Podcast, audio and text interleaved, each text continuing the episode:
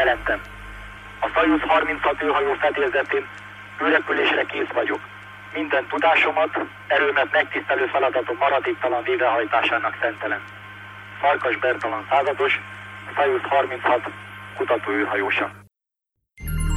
12 éven aluliak számára nem ajánlott. Az MD Média bemutatja. Ez itt a Parallaxis. Öveket becsatolni, indulunk. Szervusztok, kedves hallgatók! Ez a Parallaxisnak a... Na, ezt nem néztem meg, hogy hanyadik adás. Szerinted, Miklós, ez hanyadik műsor? Én azt tippelem, hogy ez a 27. adás, Aha. mert valami ilyesmire lehet. Na most, ugye ilyenkor mit csinál az ember? Hát beírja szépen, hogy tudomány és fantasztikum.hu, vagy parallaxis.emtv.hu, és ott rákattintunk arra, hogy Parallaxis Podcast, és akkor mit látunk?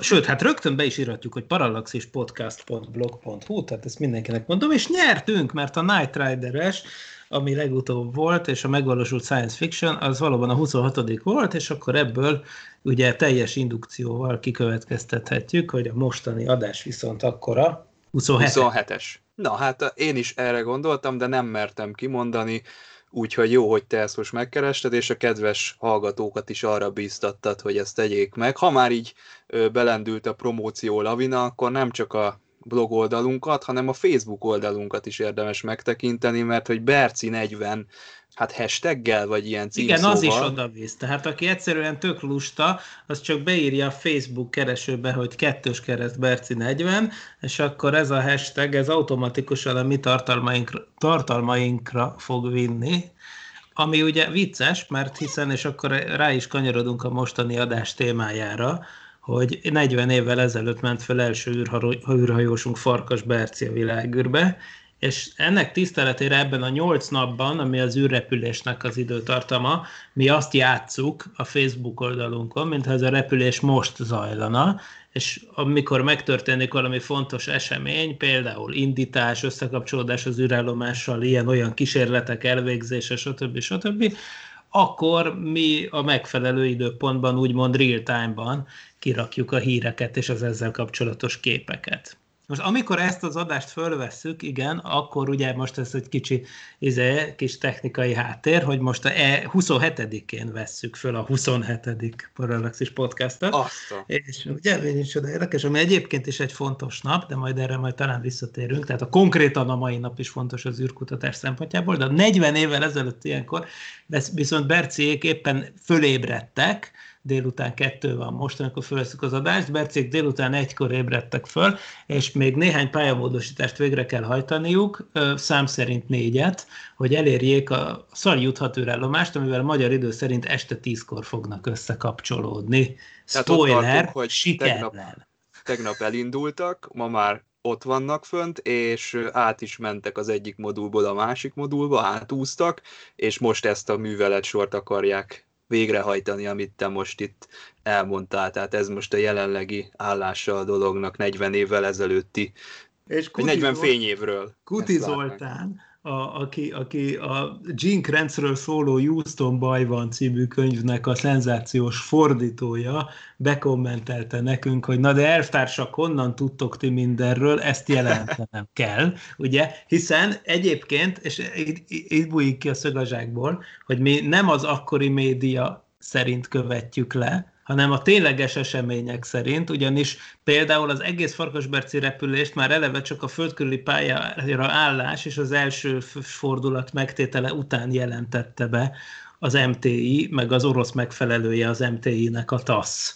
Ugye addig orosz módon természetesen, hogy ez annak idején zajlott, nem lehetett tudni sem a startnak a napját, sem pedig azt, hogy kik utaznak. Azt lehetett tudni, hogy lesz szovjet-magyar űrrepülés, tehát kik lesznek az űrhajósok, és hogy, hogy mikor indul a repülés, azt nem lehetett tudni, csak, a, csak utólag jelentettek be mindent, és mi nem így csináljuk, hanem mi úgy csináljuk, mintha valami benfentes benfentes ember, vagy akár egy űrhajós lennénk, ami, aki éppen kitvitteli, hogy most mi történik. Erre egyébként az ad lehetőséget, hogy például az egyik forrásmunkánk, amiből dolgozunk, az a Valeri Kubászovnak a magyar nyelven is megjelent tök jó könyve, aminek az a címe, hogy a kozmosz érintése. Hát ezt már csak antikváriumból lehet beszerezni, bár az évforduló az indokolna egy újrakiadást.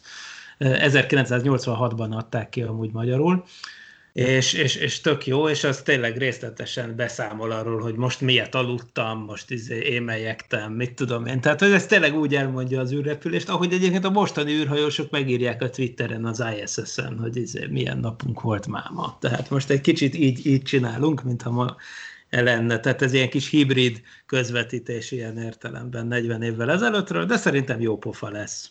Hm, és mit is mondtál, hogy mi volt az első info, amit már az emberek is tudhattak? Mi még nem tartunk ott, tehát mi még nem tudhatunk De, de, de semmit. már ott tartunk, de, de már igazából már ott tartott az egész történet, hogy, és ez egy nagyon érdekes sztori, és akkor ezt szerintem, ha már ilyen kötetlen sztorizgatásban vagyunk a 40 évvel ezelőtti eseményekről, akkor ezt el is lehet mondani már is.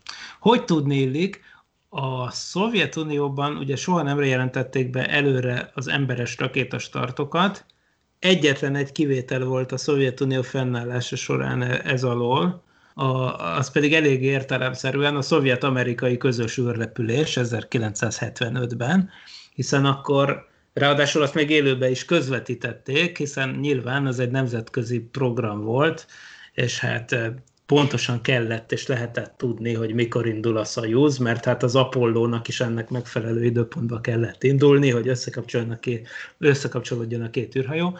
És az volt az a történelmi és egyetlen pillanat, amikor egy szovjet rakéta startot, amin emberek utaztak, élőben adta a tévé, és jó előre lehetett tudni, hogy mikor mi lesz.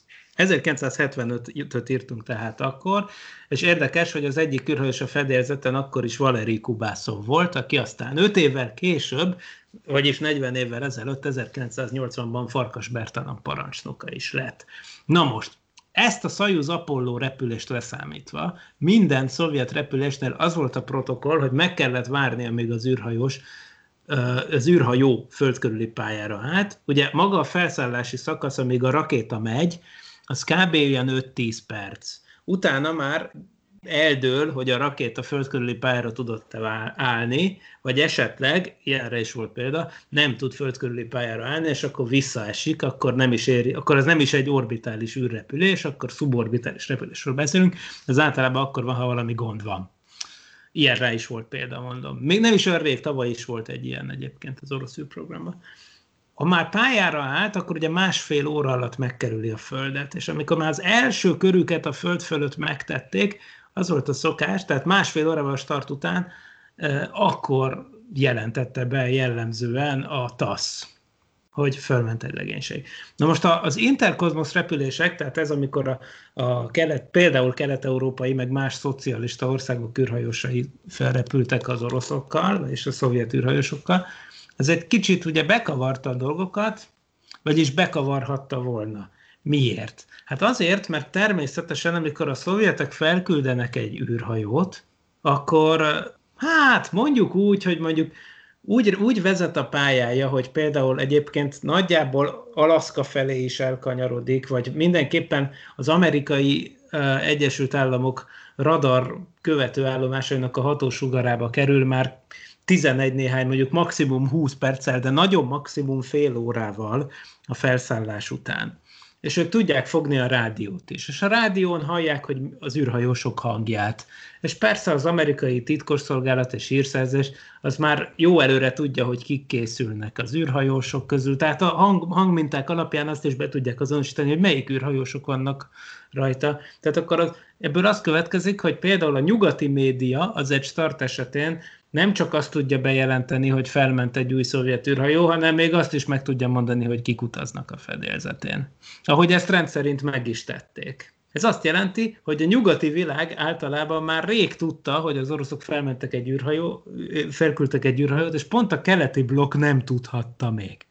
Ugye? És, és, a, és az interkozmosz időkben mondták, hogy, hogy ez tök gáz, hogy például simán előfordulhatna, hogy hogy a Magyarország az osztrák tévéből fogja megtudni először, hogy felment az űrhajósa, mert azt fél Dunán túlon lehet fogni, és akkor ott majd jól bemondják az esti hírekbe, hogy felment a, a magyar űrhajós a Farkas Bertalan, közben meg nem volt hivatalos bejelentés, hogy ez milyen gáz már. Úgyhogy ezért aztán Szabó József ezredes akkor, akkoriban ezredes volt, azt hiszem, a, aki, aki az egyik, a hadsereg részéről az egyik koordinátora volt a szovjet-magyar űrprogramnak, ő próbálta ezt elérni az oroszoknál, hogy, hogy, hogy most kivételesen előbb jelentsék be, mert, mert milyen vicces, hogy a nyugati imperialista sajtóból tudja majd meg a szocialista Magyarország, hogy felment az állampolgára az űrbe, ez milyen gáz lenne, de végül nem, nem, nem, nem engedtek neki, úgyhogy annak rendje és módja szerint a 20 óra 20 perckor bekövetkezett startot csak este 10 után jelentette be a magyar televízió, meg az összes többi sajtóorgánum.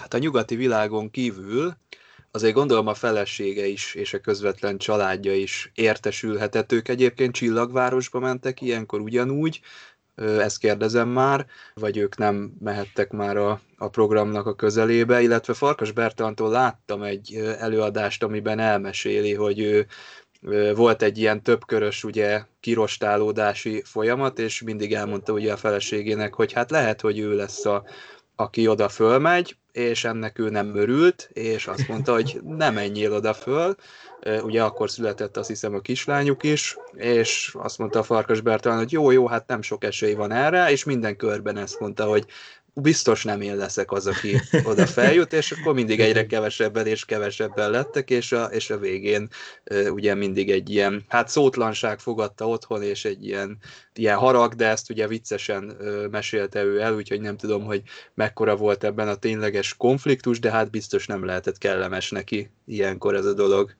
Hát abszolút, egyébként ez így van, ezt ő is, valóban én is így hallottam, hogy ez így volt, hogy ő egyébként nem hitte, hogy végig fog menni ezen a rostán.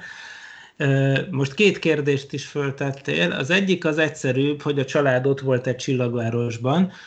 Igen, kiköltözött az egész család. Ugye Csillagváros az Moszkva közelében van, az az a hely, ahol az űrhajósok felkészülnek a repülésre, és ott élnek. Tehát ez gyakorlatilag egy teljesen elszigetelt kisváros teljesen zárt, egy katonai város, hát körülbelül egy, olyan, mint egy ilyen, ilyen izé, különleges laktanya tulajdonképpen, mert a, a szovjet űrprogramnak, legalábbis annak a katonai részének, a kato, oroszoknál egyébként furcsa volt ez, mert volt egy polgári, meg egy katonai űrhajós csoport, és a kettő egyébként máshol is lakott de például a katonai származású és az interkozmosz országokból érkező másik vendégűrhajósok, akik amúgy szintén katonák voltak ők is, tehát nincs itt semmi ellentmondás, azok csillagárosban laktak, és ott, ott voltak a szimulátorok is, meg ott volt minden, és persze családos túl. És hát ez azóta is így van a Bajkonúr ugye az az, ahol a startok történnek, és történtek, ugye ez a mai Kazaksztán területén van, oda pedig tíz nappal a start előtt mennek le az űrhajósok, és én úgy tudom, én úgy tudom, hogy a család oda nem kísérte le a Bercit, tehát hogy ők nem voltak ott a startnál, hanem ahogy mondod, ők Csillagvárosban voltak, de egyébként ott is laktak tulajdonképpen, hát két éven keresztül.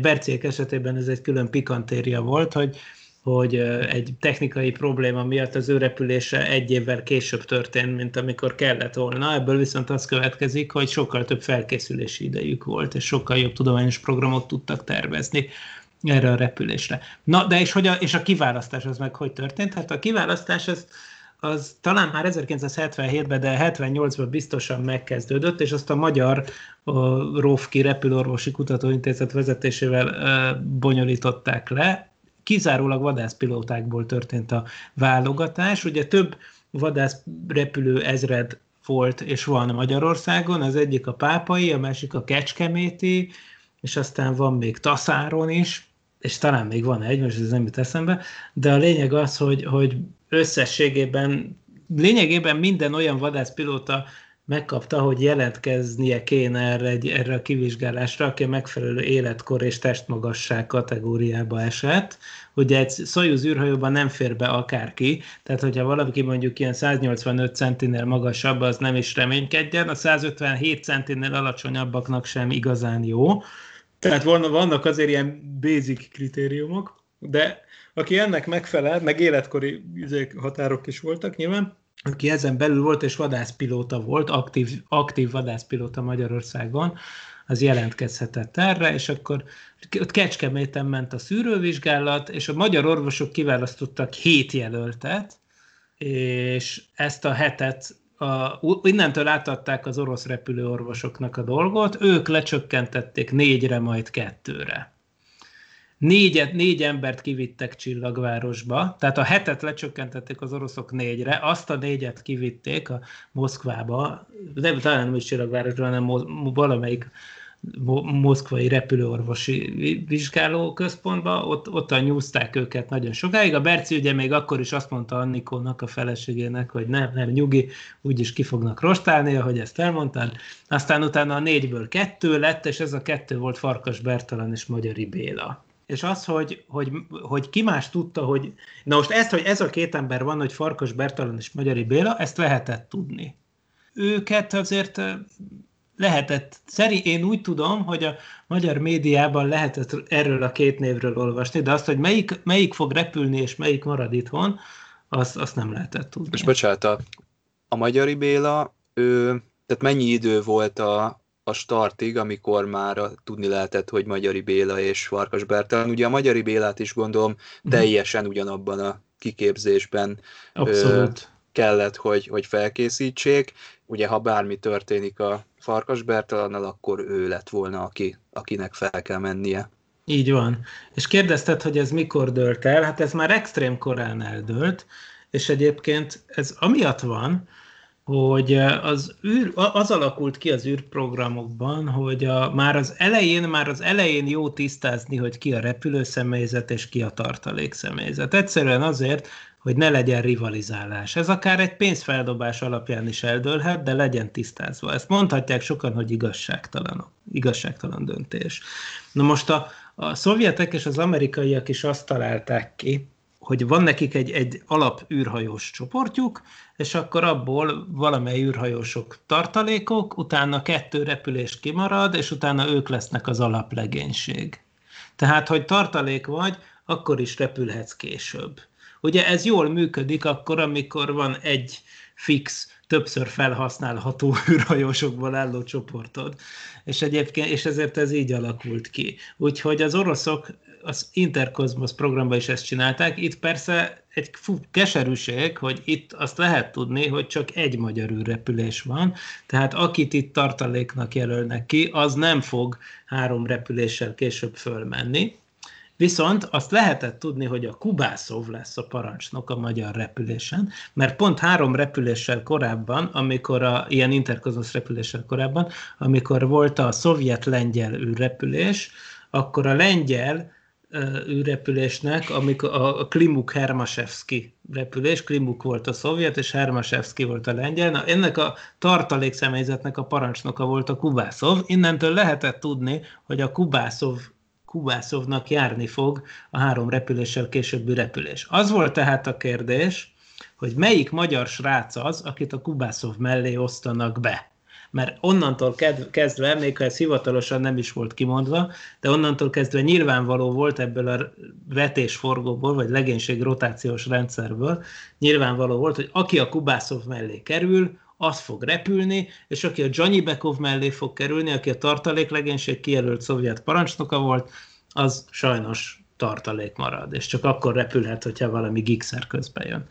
És hát akkor a Kubászov mellé osztották be a Farkas Bercit, azt, hogy ezt kidöntötte el, az jó kérdés, több verzió kering, végül úgy tűnik, hogy Magyarországról döntötték el, hát maga Bert, Farkas Bertalan is ezt nyilatkozta, hogy ő úgy tudja, hogy Magyarországon dőlt el, mind a két jelölt ugyanannyira felkészült, mind a ketten átmentek a, az űrhajós képzés alapvizsgáján, mind a ketten repülhettek volna, mind a ketten ugyanolyan űrhajósok voltak.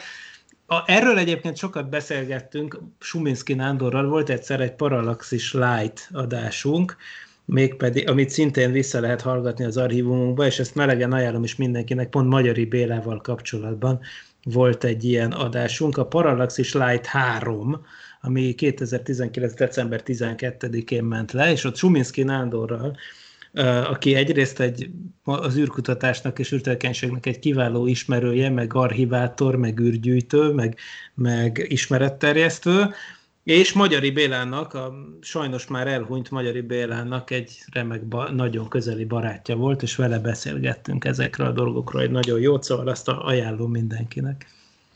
Érdekes nézegetni a Youtube-on a Farkas Berci videókat, mert néhányban szóba kerül a súlytalanság, és olyan viccesen meséli el, amikor először próbálkozott elrugaszkodni a a székből, és hát az lett a vége, hogy nekivágódott egy, egy másik falnak, ahova nem akart menni, és akkor utána ö, szépen lassan, precízebb mozdulatoknak a megtanulásával sikerült alkalmazkodni ehhez a helyzethez, és hát mindig ugye azt is szokta mondani, hogy hát muszáj megszokni, mert nem nagyon lehet onnan kilépni, hogy az embernek nem tetszik, akkor sem. Igen, hát ezt meg tudom erősíteni, mert én is voltam súlytalanságban, ilyen parabola repüléseken, és velem is ugyanaz történt mint valószínűleg mindenkivel, hogy, a, hogy annak ellenére, hogy az ember készül rá, de azért az első időszakban gyakorlatilag a Newton féle mozgástörvényeket azt úgy újra kell tanulni. Tehát, hogy én például azt történt velem, hogy én nem egy űrhajóban nyilván, hanem egy Airbus 300-as repülőgép belsejében voltam ilyen parabola repülésen, ott ugye ilyen 20 másod, 20-25 másodperces szakaszokra lehet súlytalanságot előállítani, amíg szabadon esik a repülőgép, és az űrhajósokat is így edzik, és valóban az van, hogy az ember elkezd föl lebegni, és akkor látja, hogy jön szembe a fal. Ami ott ez esetben a plafon volt. És akkor tudtam, hogy nekem 20 másodpercem van, hogy, hogy lekeveredjek a repülő aljára, mert különben visszajön megint a nehézkedés, és hogyha innen lepottyanok, akkor az, az rossz lesz. Mert hogy ott ugye az űrhajóval ellentétben 20, 25 másodperc után megszűnik a súlytalanság, és akkor paf, ami fönt volt, az leesik. Mondom, miért rossz lenne innen leesni? Csak egy tized másodpercnyi pánik lett úrá rajtam, hogy most hogy jövök innen le. Aztán kiderül, hogy annyi, annyi az egész, hogy csak egy, egy lehelet finom pici pöccintéssel el, elpöccinti magát az ember a faltól, és akkor gyönyörű szépen lelebeg. Teljesen triviális, tehát ez olyan, mint a, a korcsolyázás, csak 3D-ben, csak paromi nehéz erre egy rászoktatni a szervezetet. És a Berci, de mondom, igen, az igazán komoly dolgok, ami az űrhajósoknál jön elő, mert ott ugye, ők, ugye, ugye sokkal tovább vannak súlytalanságban, az az első néhány nap az, ami tök kritikus tud lenni, mert utána minden űrhajósnak rááll a szervezete arra, hogy, hogy súlytalanság van, de az első néhány nap az lehet nagyon durva egyeseknél, és akkor ilyen tengeri betegségszerű tünetek jönnek elő. Ugye nem tudja az egyensúlyi szervünk a fülbe, hogy merre van a fölfele meg a lefele, össze-vissza lebeg nekünk ez a kis zsákocska a fülünkben, ami egy függőónként működik, és teljesen ellentmondó jeleket küld az agyba, és emiatt nagyon sok űrhajós összehányja az űrhajót, és nem tud dolgozni rendesen. És aztán ez el szokott múlni, mondom, 10-15 nap után már senkinek sincs ilyenje, de most ez egy 8 napos repülés volt, nagyon zsúfolt tudományos programmal, tehát ez tök rossz lett volna, hogyha Berci esetében is az derült volna ki, hogy ő egyébként az űrhajósoknak abba a kb. 50 százalékába, vagy még nagyobb százalékába tartozik, akik rosszul vannak az első néhány napban, és hála Istennek a Berci ez nem ilyen volt, hanem azt mondta, hogy az első három és fél óra alatt sikerült neki teljesen hozzászokni. Ami egyáltalán nem egyértelmű, és, és nagyon szerencsés, hogy ez így jött ki, mert ezt a Földön nem is lehet megjósolni. Tehát mondom, ezek vadászpilóták, meg mindenféle módon pörgetik, forgatják őket össze-vissza a kiképzésben, de mégsem lehet, az tök lútri, még így is, hogy a kettő űrhajós közül melyik lesz ilyen izé, mozgásbetegség áldozata odafönt, vagy melyik lesz rosszul, és melyik nem. Ezt így nem lehet előre tudni, szóval ez tök érdekes. Na hát repüljünk vissza akkor a 40 évvel ezelőtti idővonalra. Ezek szerint holnap fognak majd a Szaljut 6-hoz csatlakozni Berciék, ahol várja őket Leonid Popov és Valeri Ryumin. Aha. Velük fogják majd folytatni a munkát, illetve, ugye ha jól tudom, akkor mindenkinek van valami kis kísérlete, amit el kell végezni, és emlékeimben dereng valami olyasmi is, hogy az előző Interkozmosz felbocsátás az nem valósult meg, és Berci átvállalt onnan is egy kísérletet, és azt is megcsinálta. Hát igen, az Interkozmosz repülés az a, a szovjet-bolgár repülés volt, a, amit ami nem valósult meg olyan értelemben, hogy nem sikerült összekapcsolódni az űr, űrállomással, és egy napon belül vissza kellett hozni a legénységet egy hajtómű hiba miatt.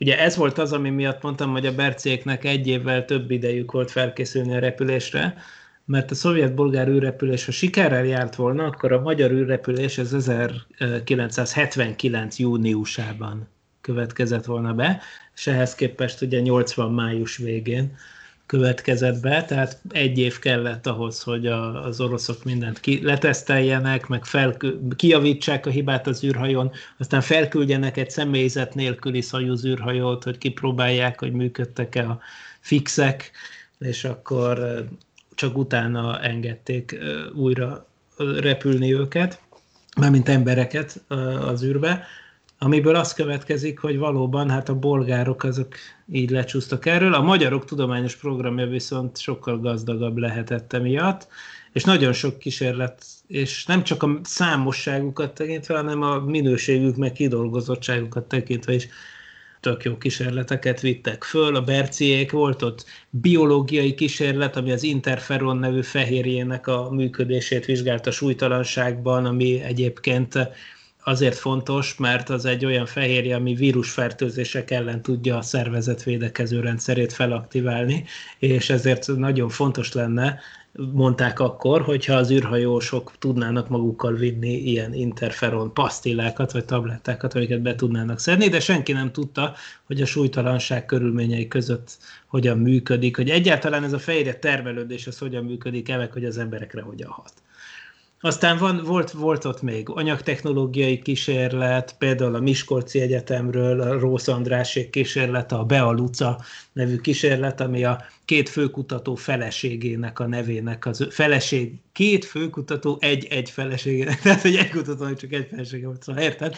Szóval a két feleség nevének az összeolvasztásából kapta a nevét a kísérlet a Bea Luca, ami, ami egy fémolvasztási kísérlet volt. Ugye ott az az lényeg, hogy a Földön mindig, amikor az ember egy félvezető kristályt vagy valami ilyesmit növeszt, akkor róhatatlanul az a probléma, hogy a gravitáció csinál egy csomó kristályhibát, tehát nem tudnak olyan alakok, egy háromdimenziós kristályszerkezet gravitációban nem tud olyan jó, szép, szimmetrikus alakot fölvenni, mint amit önmagában a gravitáció nélküli fizika törvények előírnának neki, tehát mi a Földön azt, ami kijönne kb. a kvantummechanikából, hogy milyen rásszerkezetet kéne növeszteni egy szabad térbe, azt sose láthatjuk meg, mert mindig itt a gravitáció, ami elrontja nekünk a kristályszerkezetet, behoz egy ilyen eredendő aszimetriát a térbe. Mit, mit kell csinálni? Félvezető kristályokat súlytalanságban kell növeszteni és megnézni, hogy ami kijön belőle, az tényleg olyan nem, mint amit előzőleg kiszámoltak. Ugye a Földön nem lehet ilyen kristályt növeszteni, amit össze lehet vetni direkt az elméleti számításokkal, de még ilyen parabola repüléseken, amikről beszéltem, ott se lehet, mert az nem 20 másodperc, amíg megnő egy ilyen kristály, hanem azok órákig tartanak, tehát ez úgy néz ki, hogy a, hogy a Salyut űrállomáson volt egy Splav nevű olvasztókemence, ami nagyon menő volt, mert egyrészt persze tök meleget lehetett benne csinálni, másrészt két ajtaja volt, az egyik az űrállomás belseje felé, a másik meg kívülre, tehát ez gyakorlatilag egy zsilipkamra volt, tehát betették éjszakára az űrhajósok a mintákat az olvasztókemencébe, bezárták, kinyitották a külső ajtót, tehát akkor nem csak súlytalanság van, hanem egyből vákum is, tehát most már közvetlenül a világűrrel érintkezhettek a minták ilyen módon, és akkor reggelre meg, megcsinálta az olvasztást az automatikus Klemence. De azért kellett ezt egyébként éjszaka csinálni, mert akkor az űrhajósok alszanak, és az hiába a bazi nagy ilyen ez az űrállomás, eh, ez a, mit tudom én, 38 tonna egy ilyen Szajut, Szajuz űrkomplexum, de, de hogyha az űrhajósok mocorognak, már pedig mocorognak, amíg ébren vannak, akkor apró rázkódások vannak az űrállomáson, amik úgymond elrontják a súlytalanság minőségét, hogy erre is figyelni kell. Aztán voltak még más ikonikus kísérletek, földfotózási kísérletek, és ott volt például a Pille, ami talán a legnagyobb karriert futotta be, ami egy sugárdózismérő és kiolvasó rendszer, a, amit a Központi Fizikai Kutatóintézet kutatói Apáti István fejlesztésével fejlesztettek ki, és hát ez egy egy kilogrammos kis műszer volt, egy liternyi térfogatba, ami először tette lehetővé, hogy az űrállomáson mérjenek sugárdózist, és azt ott helyben ki is olvassák, és utána kb. reszeteljék ezeket a kis kristályokat, amik, amik eh, sugárzásra érzékenyek. Ugye az történik, hogy hogy, hogy vannak ilyen kristályok ebben a dózismérőben, amikben elváltozások lépnek fel a kozmikus sugárzás hatására. Ezeket hevítéssel ki lehet olvasni, és újra használhatóvá tenni ezeket a kis kulcsokat, úgymond mintákat ami azért jó, mert innentől kezdve lehet tudni, hogy éppen egy adott időintervallumban mennyi sugárzás érte az űrállomásnak azt az adott részét, ahol a mérést végezték. Korábban csak ilyen kumulatív dózist lehetett mérni. Tehát, hogy az egy, volt egy doziméter, és ezt a föld betérés után a földön kiolvasták egy izé, sok tíz kilós monstrum cuccal, de, de ilyen real-time-ba történő sugárdózis mérés, ilyen piciben, hát ez teljesen világszínvonal volt, úgyhogy ez el is terjedt, aztán az amerikai űrrepülőgépen is használták, utána a, nemzet, a Miren és a nemzetközi űrállomáson is ott van most is, több példány van is ez a pille, persze nem konkrétan a Berci féle verzió, hanem már sokszorosan tovább fejlesztett digitális változat, szóval hát igen, ez na- nagyot ment, és hát igen, a bolgároktól is át kellett vállalni kísérletet, illetve tőlünk is átvállaltak kísérletet mások, például a földfotózási kísérleteket, ugyanis a Berciék földkörüli pályája olyan volt, illetve az időzítése a repülésnek olyan volt, amiről egy cikk is van a blogunkon, aminek az a címe, hogy az űrállomás ablakában mindig besüt a nap. A Berciék olyan különleges pályán keringtek, úgy, úgynevezett Terminátor ral egyenlású pályán, vagyis az nap, nappalt az éjszakától elválasztó határvonal fölött keringett az űrállomás szinte végig. Ezek tök, tök szép látvány, de sajnos a földfotózás szempontjából ez nem annyira optimális. Például az is következett ebből, hogy Magyarországot lényegében nem tudták lefényképezni föntről. Meg Európa nagy része fölött mindig akkor repültek el, amikor nem lehetett semmit se látni. Meg ugye ilyen érdekes következmények voltak. Úgyhogy emiatt aztán az történt, hogy például a magyar földfotózási programnak a nagy részét is nem a Berci hajtotta végre, hanem az alapszemélyzet, meg a más űrhajósok később.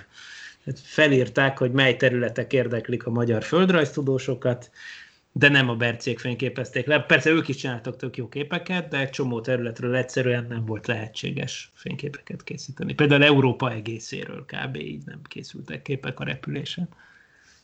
Na és mi a helyzet ezzel a bajusszal? Ugye kijelenthetjük, hogy Bercinek ez egy védjegye lett, de akkoriban, minthogyha nem nagyon szerették volna a bajuszt a szkafanderek mögött. Volt ennek egy ö, negatív tapasztalat előtte, hogy, hogy ö, akik bajusszal mentek föl, ott valami nem stimmelt, vagy rosszul Talán csak a el a tapasztalat dolgok? hiánya. Én most konkrétan azon kezdtem gondolkozni, hogy ki volt az első bajszos űrhajós én nem tudom, mert azt tudom, hogy voltak olyan űrhajósok, akik bajszot növesztettek odafönt, sőt szakállat.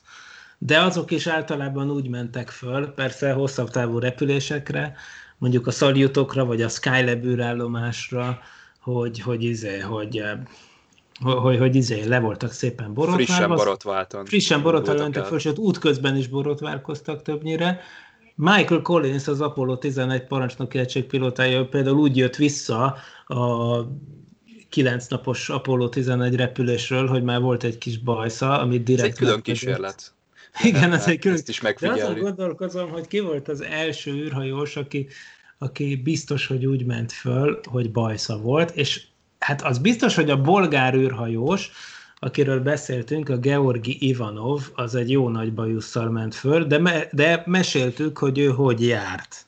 Ugye? Tehát, hogy ő volt az, aki ö, nem tudott összekapcsolódni, az ő személyzetük volt az a Soyuz 33-on előző évben. Akkor lehet, hogy csak emiatt... Hogy egy, igen, azt hiszem, hogy ez lehetett, hogy egy rossz ómenként tekintettek egy kicsit erre a dologra. Ugye maga Kubászov is sűrűn szóvá tette ezt, és igen, Igen, mert egyszer kötöttek egy fogadást a Farkas Bercivel, nem csak a Berci, ugye mondtad, hogy, hogy még a, hogy a kiválasztás során is azt mondta, hogy majd a következő körben úgy is kirostálnak, úgy látszik, egy kicsit ilyen, ilyen alkat ő, mert a Kubászov azt írja a regényében, vagyis hát az életrajzi írásában, hogy eh, bizony a Berci az annyira nem akarta elhinni, hogy tényleg föl tudnak menni az űrállomásra, meg összekapcsolódni, hogy még abba a fogadásba is belement a Kubászóval, hogyha fölmennek és összekapcsolódnak a Szaljut hattal, akkor megengedi, hogy a fedélzeten levárják, lenyírják az ő bajszát.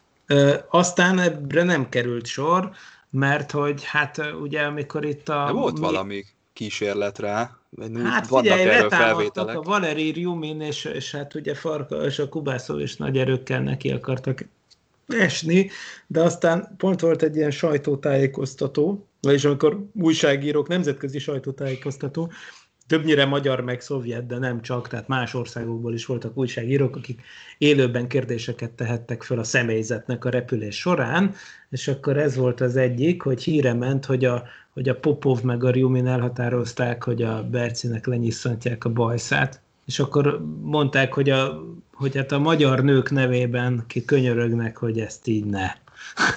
Úgyhogy úgy, hogy ez volt, és nem tudom, mennyire volt vajon tömeges megmozdulás e mögött, vagy mennyire kapták a felháborodott táviratokat Magyarországról a női társadalomtól, hogy a Bercinek az ikonikus bajszát azt ne, ne vágják le.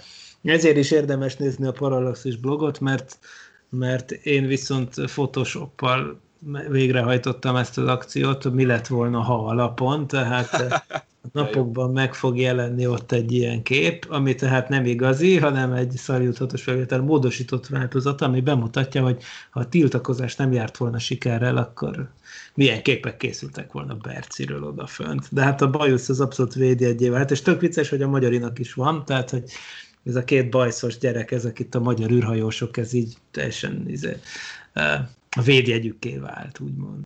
Meg a foci tudásuk. Ugye azt el, el szoktam mindig mesélni a Farkas Berci, hogy, hogy ugye a tíz interkozmosz űrhajós, aki együtt készült, az két 5-5 fős foci csapatra oszlott, és kezdetben a Magyari meg a Farkas Berci az egy csapatban focizott, és akkor mondta, és mindig ők nyertek, az a csapat, amiben ez a kettő volt, mert látták, hogy ők nagyon tudnak, és akkor mondták ott az orosz izék, sport szakemberek, hogy hát figyeljetek, hát legyen két csapat, az egyik a Farkasberci csapata, a másik a Magyar Ibéra csapata, és válogassatok össze embereket.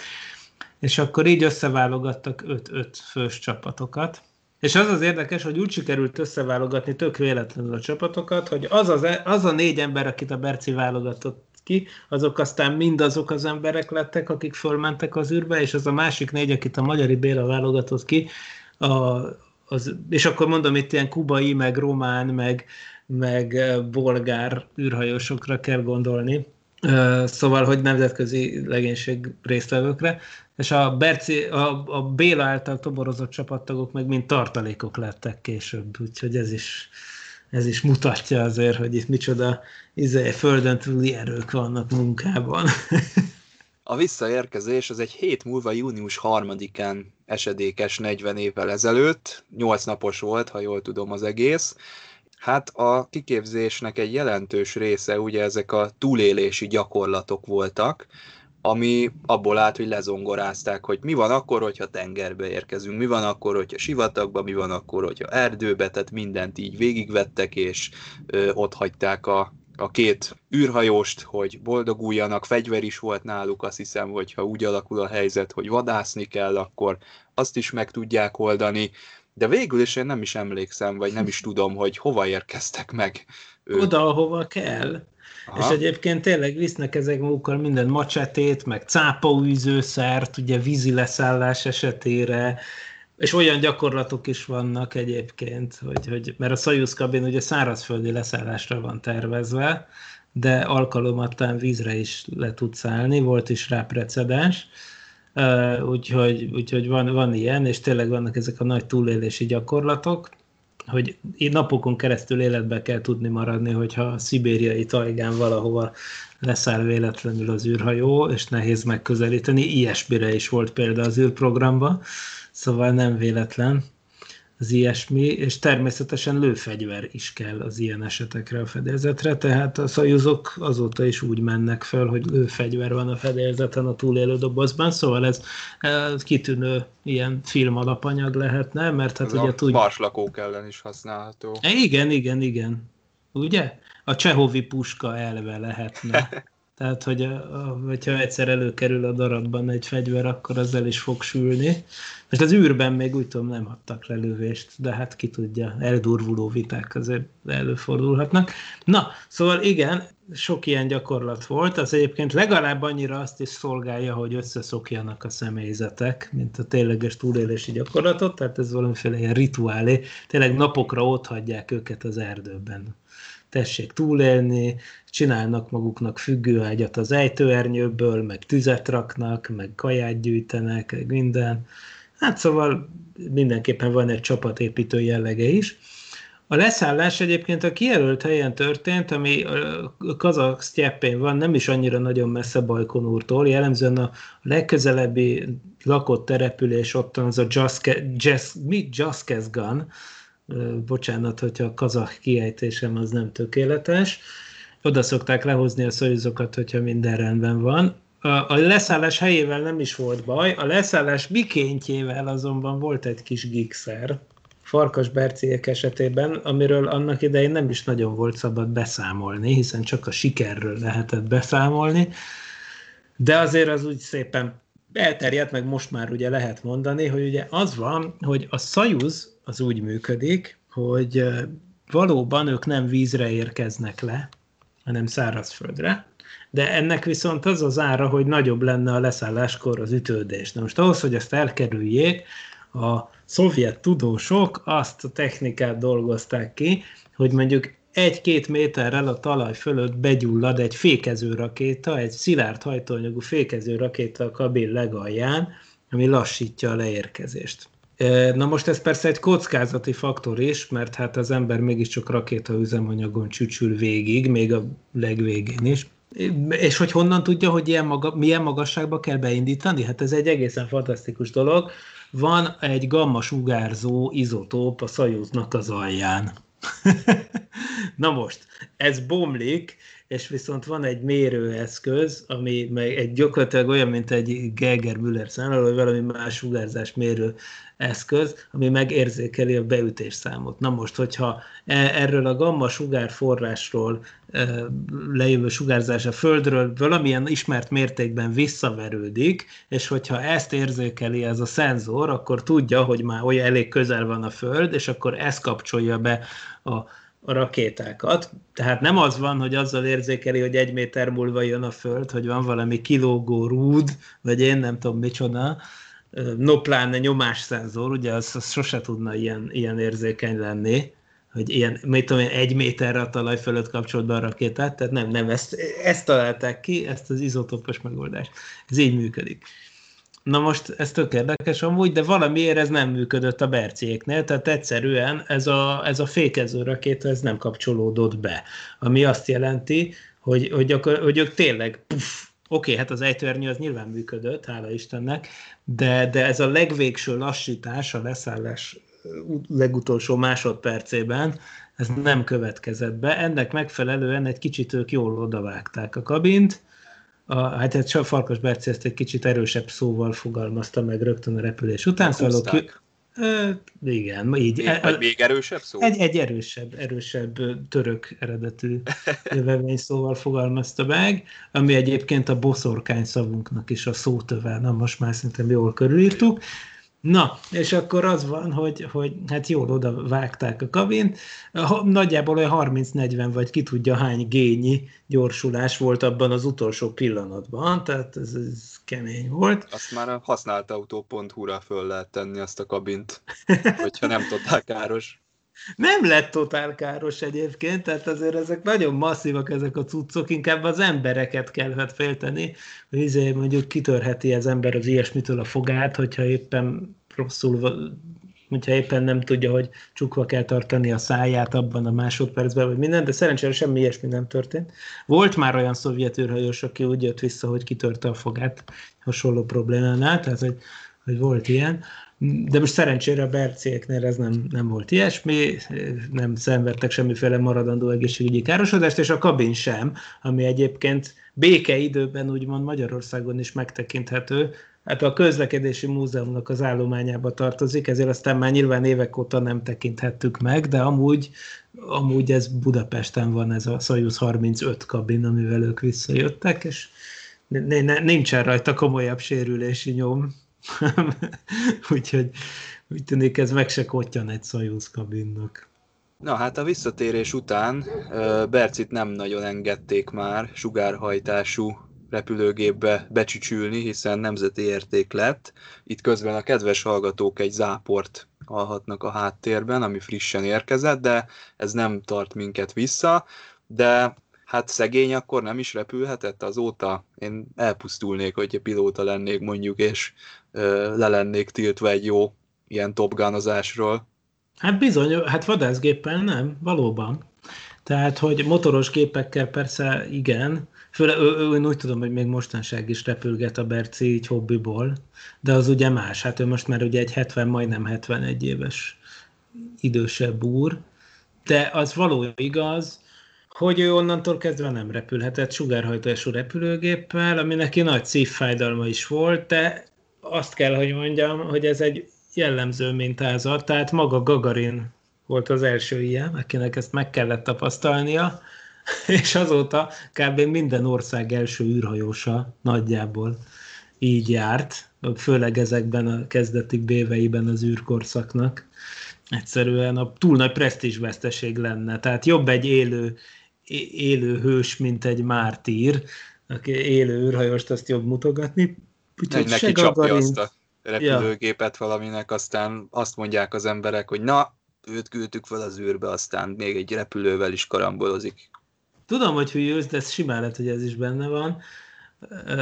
A Gagarin sztorinál is egyébként, mert a Gagarinnal aztán mi történt? A Gagarint évekig nem engedték repülni, és aztán megengedték. Most a Gagarin az rohadt fiatal volt egyébként még akkor is, és ő évekig lobbizott azért, hogy végre engedjék újra repülni az űrbe, és akkor végre tényleg mondták, hogy mehet az űrbe esetleg, és el is küldték gyakorló repülésekre, és az egyik ilyen gyakorló repülésen közben zuhant le, és halt meg 1968-ban a Gagarin. Mondjuk máig is egy kicsit gyanús körülmények között történt mindez, de most ezt hagyjuk. Szóval például a John Glennel abszolút így jártak el, tehát a John Glennel konkrétan közölték, a Kennedy elnök 1962-ben, hogy akkora nagy érték ő így úgymond, mert ő neki a beszélőkéje is nagyon jó volt, hogy ő inkább csináljon politikai karrier, de hogy ő már többé ne repüljön.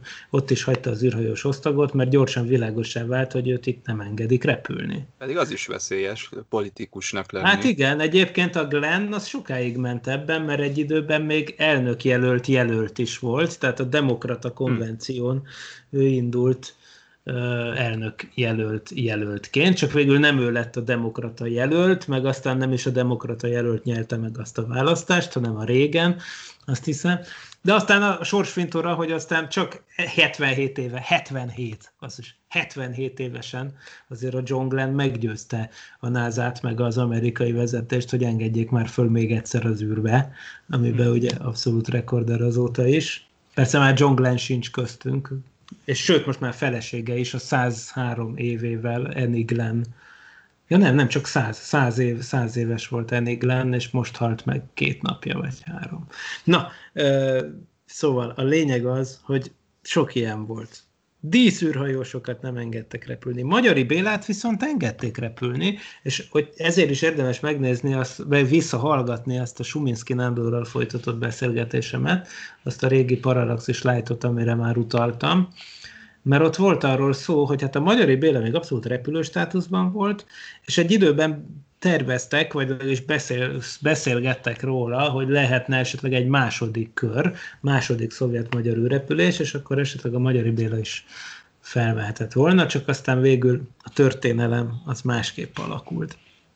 A múltkor egész jól elsírattuk ezt a aranykort az Apollo 13 kapcsán, hogy űrhajósok ilyen sportkocsikkal furikásznak az utcákon, és űrhajós feleségek izgulnak, de azért szerintem változatlanul egy olyan klubba tartozni, akik jártak az űrben, hát szerintem ez még mindig a legmenőbb csoport a világon, ami, ami most létezhet, de szerintem a, a Berci az nem, nem azért tiszteljük és nem azért szeretjük, mert a legmenőbb klubba tartozik a világon, hanem ugye neki van egy ilyen nagyon közvetlen, nagyon egyszerűen és nagyon közérthetően magyaráz mindent, és úgy unblock úgy mindenkinek a Bercie maradt, vagy Berci bácsia, mert most már ugye itt több generáció keletkezett azóta, és ugye ez a védjegy-szerű bajusz, meg minden ezzel együtt egy ilyen komplett jelenségé tudott válni, ami szerintem mérhetetlenül több, hogy így a szívükbe zárták a magyarok ezt az egészet, mint mondjuk a Szovjetunió, meg a Magyar Népköztársaság hősének lenni, pedig hát az se semmi. Igen, ez egy érdekes, hogy ez miért működik ennyire, meg hogy az űr, űr eleve az űrrepülésnek miért van egy ekkora nem is tudom, szerepe. Azt hiszem az emberek örültek, hogy lehet valami olyasmiért lelkesedni, ami tényleg menő.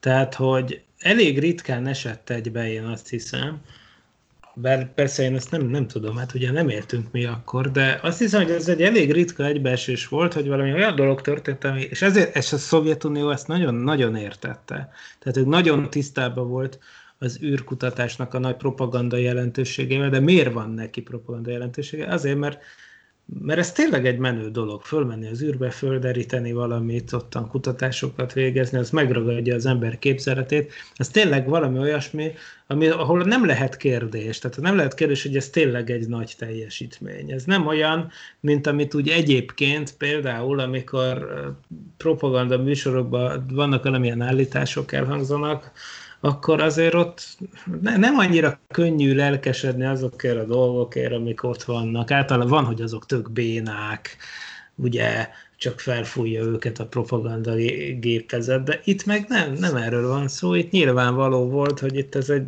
ez egy nemzetközileg is teljesen értékelhető, mérhető és nagy teljesítmény. Mondhatjuk úgy is, hogy annak dacára, hogy, hogy ezt abszolút a pártvonalas kereteken belül a szocialista országok integrációjának belmélyítése érdekében népeink, országaink megbonthatatlan örök barátságai egyében hajtották végre ezeket a dolgokat, de mégis Hát ez az idézője, de most ez szó szerint idézet volt azokból a dumákból. Ja, azt hittem, hogy mondtad. magadtól találtad nem, nem, csodálkoztam sajn... is. Sajnos nincs nekem, nincs Milyen nekem jókat ennyi... tudsz. Nem, sajnos. Hát tudok, de nem, nem saját kútfőből, tehát még nem nem, nem vagyok még annyira ideológiailag képzett, hogy ilyeneket magamtól találjak ki, de már művelődök. Szóval, hogy ez, ez egy ritka egybeesés volt, hogy olyasmit tudott reklámozni teljes gőzzel, ahogy a csövön kifért a, a, a média, a, a központi, mit tudom én, játékboltok, mindenféle bigyógyárak, tehát, hogy tényleg valószínűleg lehet, hogy a Guns N' Roses poszterek, meg az egyéb ilyen izék mellé, amit az emberek úgy, ahogy beszereztek, de azt soha nem támogatta a központi média, azok nem jelentek meg a pajtás újságban, vagy mit tudom én mi. Tehát akkor mellé lehetett rakni a Farkas Bercinek a képét, ami azért akkor is, mert akkor is menő, hogyha, hogyha az úttörő magazinból vágott ki. És azért ez valószínűleg nyilván egy legitimációt jelentett a fiatalság körében a rendszernek, és ez, ez volt az egyik célja. Másrészt pedig biztosította a Bercének ezt a különleges helyet, hogy politikai rendszerek jönnek-mennek, de a Farkas Berci az, az mégiscsak az ország Bercie, ottan nincsen kérdés. Holott nyilván lehetne mondani, hogy nyilván MSMP tagnak kellett lenni mindenkinek, aki vadászpilóta volt, no pláne űrhajós, meg mit tudom én, nagyon rendbe kellett lenni a pártkáder szempontból az embereknek, de ennek ellenére itt egy olyan teljesítményről van szó, hogy itt ezt valahogy ez nem árnyékolja be. Ez szerintem jó pofa, és ez talán helyes is. Hát, hogyha már teljesítményről beszélünk, akkor Miklós előtted is megemelem a kalapomat, hiszen ez az egész Berci 40 program, ami itt zajlik a Facebookunkon, meg eleve ez a podcast, az egész alapötlet, meg minden, hát ennek te vagy a mozgatórugója, és abszolút 110 százalékkal csinálod ezt, úgyhogy tengermély tisztelet, ahogy Dragon György mondta, Isten nyugosztalja. Viszont holnap fog még történni valami, és ez már nem a 40 évvel ezelőtti idővonal, nem, ma fog történni valami. És ha ezt halljátok, akkor ami lehet, nektek tegnap. tegnap. Így van, Igen. tehát milyen furcsa, hogy már megtörtént, és mi még jövő időben beszélünk róla, és történelem fog íródni. Bizony. Úgy új korszak indul a, az emberes űrrepülés történetében 2020 május 27-én, ha a floridai idő is úgy akarja. Ugye ezt még nem tudhatjuk. Ugye amiről szó van az, hogy 2011 óta, tehát majdnem pontosan 9 éve nem fordult elő az, hogy amerikai földről amerikai rakéta felvitt volna bárkit, embert az űrbe. Ugye onnantól kezdve, hogy a Space Shuttle flottát kivonták a forgalomból, az amerikai űrhajósokat a nemzetközi űrállomásra mindig az oroszok vitték föl a Szajuz űrhajókkal, tehát lényegében azoknak az űrhajó, annak az űrhajónak a továbbfejlesztett változatával, amivel például Farkas Berci is repült.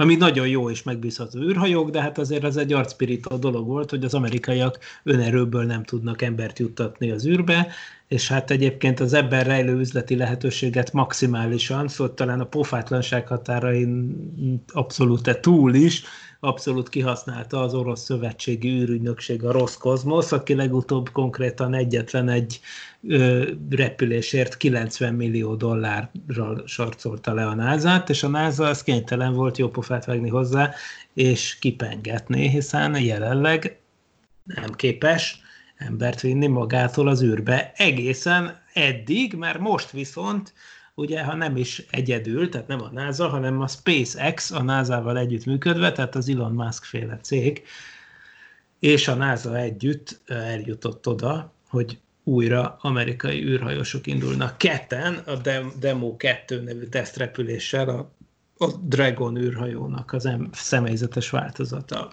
jár jelenleg a 39A indítóálláson Floridában, a Kennedy űrközpontban. És hát a start az magyar idő szerint ugye este fél tizenegy körül várható, de ha a floridai idő miatt halasztódik a start, akkor természetesen nem biztos, hogy indokolt, amit mondtunk az előbb, hogy ez már megtörtént. Ugye nekünk ez még a jövőben van, és azt sem tudjuk, hogy sikeres lesz a start, szóval mindenképpen nagyon izgi, de sajnos az időzónája annak olyan, hogy tényleg ilyen éjszakai dolog ez, tehát ezt semmiképpen se tudnánk élőben közvetíteni, de azért nyilván fogjuk nézni a streamet, és akkor majd legközelebb például a következő szokolébresztőben, ami viszont hétfőn lesz, ott mindenképpen óhatatlanul szót fogunk ejteni arról, hogy hogyan mentek a dolgok. Úgyhogy a szokolébresztőt is hallgassa majd mindenki. A Tilos Rádióban vagy a parallaxis.emtv.hu oldalon később majd az archívumunkban. Életbevágó kérdésről kell még beszélnünk, amit minden hallgató egy emberként követel szerintem, hogy a Tom Cruise az hogy fog majd fölmenni hasonlóan, mint a holnapi misszió, csak harmadik emberként ő még oda be fog ülni az anyósülésre, amikor majd jön az a film. Igen, ez úgy van, hogy nem harmadik emberként, mert most, most oké, okay, csak ketten repülnek rajta, mert ez az első repülés, de ez egy olyan űrhajó, ami öt embert is föl tud vinni. Sőt, szükség esetén akár többet is, de öt embert azt úgy üzemszerűen fog szállítani a Föld meg az űrállomás között, és ott az a terv, hogy felmegy kettő rendes űrhajós, ugyanúgy, mint most, és a három hátsó ülést azt meg a Tom Cruise, meg a két filmes kollégája, akik valószínűleg nem színészek lesznek, hanem kameraman, meg valami izé. Tehát, hogy na mindegy, szóval a film, az a mini stáb, akit majd föl fognak oda ereszteni az űrállomásra a tervek szerint, ugye az három főből fog állni, és lesz hozzá két profi űrhajós, akkor így jön ki az öt fő. De hogy miket fognak csinálni, ugye arról én még mindig nem tudok semmit. Ugye ezen már múltkor is agyaltunk ezen, hogy mi lehet. Ugye azt te mondtad, hogy azt lehet tudni, hogy ez nem egy Mission Impossible movie lesz, de hogy mi lesz, azt ugye én még nem tudom. De hát én így egy... tudom, hogy három fő stáb. Ez egy Mission Possible lesz akkor ezek szerint valami lehetséges küldetést fogunk ott majd látni, hiszen valósak lesznek a körülmények is, úgyhogy mindenképpen várjuk ezt a ezt De ahhoz, ahhoz, hogy az a mission of possible legyen valóban, ahhoz ennek a mostani tesztrepülésnek is tökéletesen kell sikerülnie, úgyhogy nagyon szurkolunk a SpaceX. Na hát ez a fő a hajtóerő, hogy mehessen a Tom Cruise most Igen. egyáltalán. Mit nekünk tudomány? Hát persze. Na, Miklós, köszönöm szépen, egy élmény volt most is, és reméljük, hogy két hét múlva jelentkező adásunkban már Ádámmal együtt beszélgethetünk majd hárman, de addig is kövessétek a Berci40 hashtaget, Miklós zavarbejtő gyakorisággal fogja ezeket majd itt posztolgatni, és lehet látni, hogy mit csinál éppen 40 évvel ezelőtt Farkas Bertalan. Nagyon izgalmas, rendhagyó, hiánypótló program ez, mindenképpen kövessétek, és találkozunk kettő hét múlva. A 28. adásban ezt már most mondom, ha esetleg nem sikerülne akkor se a felkonf. Közeledünk a 30-hoz egyébként. Oh, yeah. Szokolébresztővel meg most lettük át a 80-at, úgyhogy Na, hát... majd valami gigabulit rendezünk. Igen, ja. 80 felett kezdődik az élet, Igen. úgyhogy... Hát köszönöm én is mindenkinek a figyelmet, és sziasztok! Sziasztok! Nem volt elég a tudományból és a fantasztikumból? Olvasd a parallaxis.emtv.hu-t, lájkold a Facebook oldalunkat, nézd a YouTube csatornánkat, és hallgassd a Szokolébresztőt a Tilos Rádióban. A Tudományos Újságíró Klubja és a Tudományos Ismeretterjesztő Társulat által a Juhari Zsuzsanna díj külön díjával jutalmazott blog podcastjét az emtv.hu megbízásából az MD Media készítette. Hamarosan jön a következő rész. emtv.hu Élmény és vélemény. Jelenlegi működésünk fenntartásához és fejlődéséhez most a te segítségedre is szükségünk van. Ha szívesen olvasol, nézel és hallgatsz minket, arra kérünk, hogy támogasd a Tudományos Újságírók Klubja és a Tudományos Ismeretterjesztő Társulat által 2019-ben a Juhari Zsuzsanna díj külön díjával jutalmazott Parallaxis csapatát. Kattints a donate.mtv.hu oldalra, és adományoddal segítsd a tudományos és fantasztikus ismeretterjesztést, hogy közösen eljussunk oda, ahová még senki nem merészkedett. Köszönjük! donate.emtv.hu